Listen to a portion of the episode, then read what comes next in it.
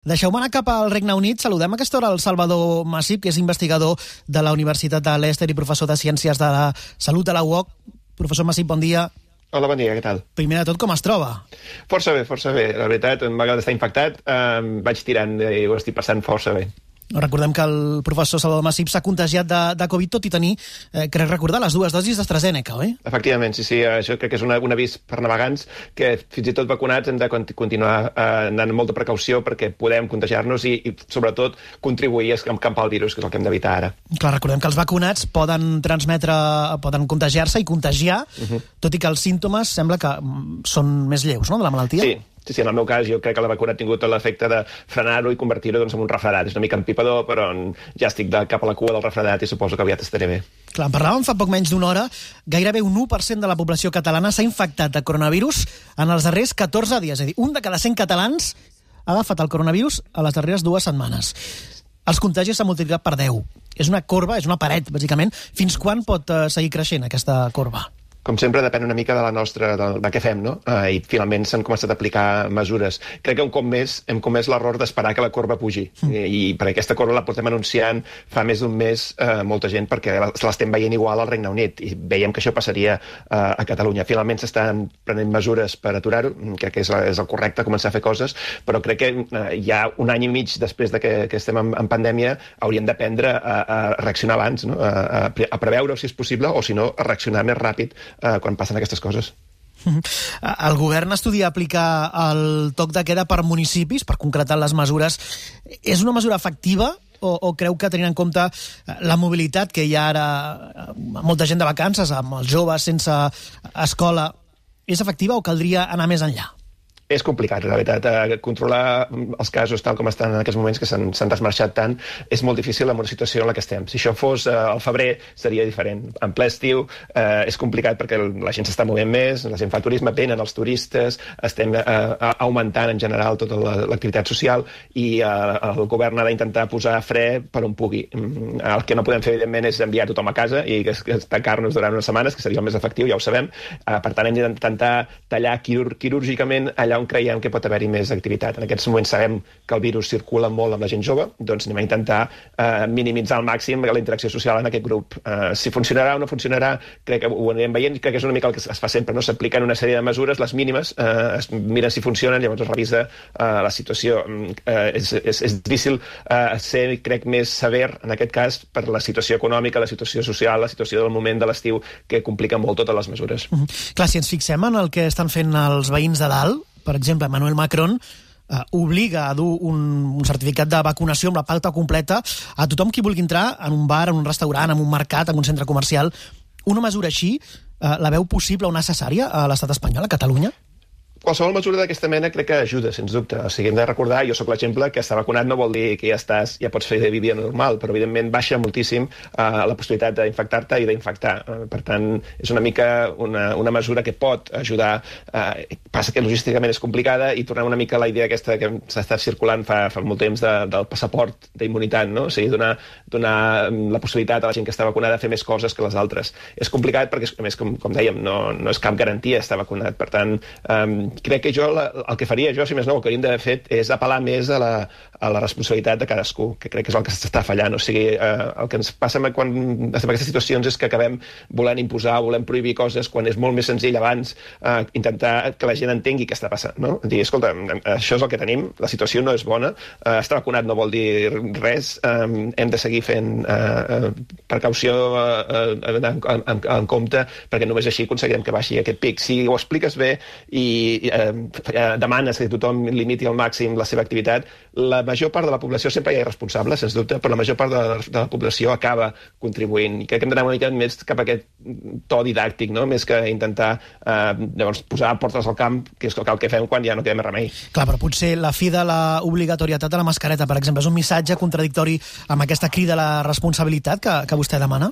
Efectivament, jo crec que això, per exemple, eh, la mascareta a l'exterior, que sabem que no té una importància eh, massa gran a l'hora de frenar contagis, si es pot fer distància de seguretat, en canvi, té un efecte psicològic molt important. O sigui, el fet de dir no hem de portar mascareta a l'exterior s'ha interpretat com no hem de portar mascareta, punt. O, no, o hem de relaxar-nos amb la mascareta. I això és, una, és un problema perquè llavors passes a no portar mascareta on sí que encara fa falta. Eh, llavors, potser això també s'hauria d'haver explicat millor, no? Eh, hauríem d'haver un cop més apel·lat a la responsabilitat i dir, mira, treu-vos la mascareta, però només si realment la situació ho permet, realment si esteu en un lloc en el qual hi ha espai, eh, a l'aire lliure i no esteu a prop d'altra gent. Mhm. -huh. Però mm, depèn de com fas el missatge, jo crec que aquest és un dels problemes d'aquesta pandèmia, que la comunicació no l'estem portant molt bé, i llavors, clar, no queda molt clar, i de fet, si parleu amb, amb, amb, amb la gent, a vegades no queda molt clar què, està, què podem fer, què no podem fer, si és contacte en positiu, què has de fer, què no has de fer. Crec que els missatges són confusos i això complica molt doncs, que la gent faci el que, el que, el, el que contribueixi no? a, a frenar el cop.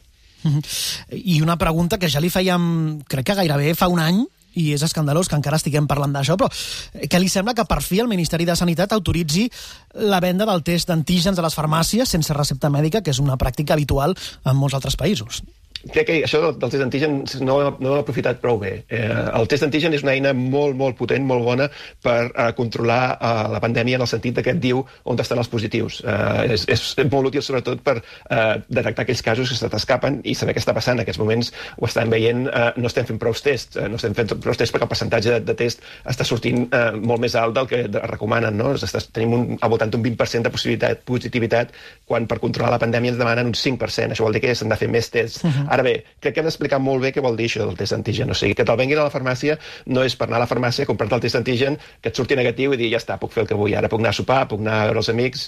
No, el test d'antigen no és un passaport per uh, fer el que tu vulguis quan surt negatiu, perquè té falsos negatius. I això eh, crec que de, és el perill que correm quan donem el test d'antígens a les farmàcies. El test d'antigen ha, ha de ser una eina controlada pel govern, tal com fa, uh, es fa, per exemple, al Regne Unit. No? Se n'han de fer molts, però ha de ser una informació que ha d'arribar al govern i el govern l'ha de fer servir per entendre on estan els, els, els brots. És a dir, no serveix com a un test individual, sinó que serveix com una eina repetida i de població. Has de fer-la moltes vegades i a molta gent per saber què està passant. No és una cosa perquè tu te la prenguis, te la facis i diguis ja està, ja puc fer el que vull, que això és el perill que hi ha quan uh, donem aquest missatge. No, de, Però són test. prou fiables com per dir ara ja, doncs, com que són negatiu, puc fer un viatge, puc fer una trobada, una celebració, una festa, un concert, un, un festival?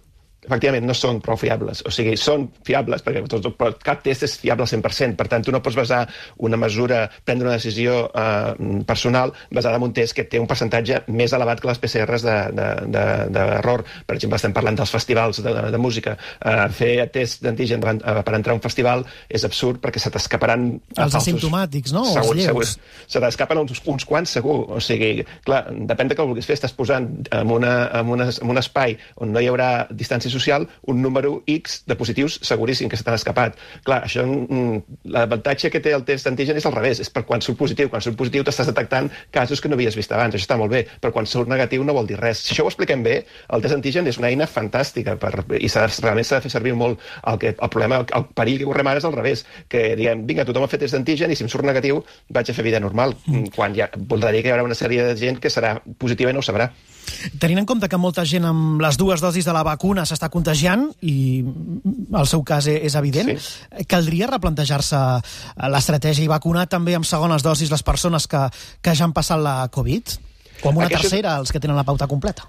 Mm, això, eh, més que, jo crec que la, la, la pauta, la, la pauta de, de dues dosis o d'una si t'has contagiat ja dona una immunitat eh, prou bona. Um, passa que, clar, el que les vacunes fan el que fan, o sigui, és, també ho hem, ho hem explicat des del principi, que la vacuna, sobretot el que t'evita és la, la, la, la part greu de la malaltia, la versió greu, eh, fins a un 95%, eh, evita que vagis a l'hospital, que és la, la, o, i que et moris, que és el més important. Ara bé, no t'evita que et posis malalt, com en el, en el meu cas, o sigui, pots contagiar-te, però això ja ho sabíem, ja era així. Mm, si donem una dosi més, més segurament això no canviarà gaire. Uh, donar una tercera dosi o, o, o una dosi de reforç sí que tindrà un efecte a l'hora d'allargar aquesta immunitat en el temps. O sigui, més que una intensitat, és una qüestió de durada. No?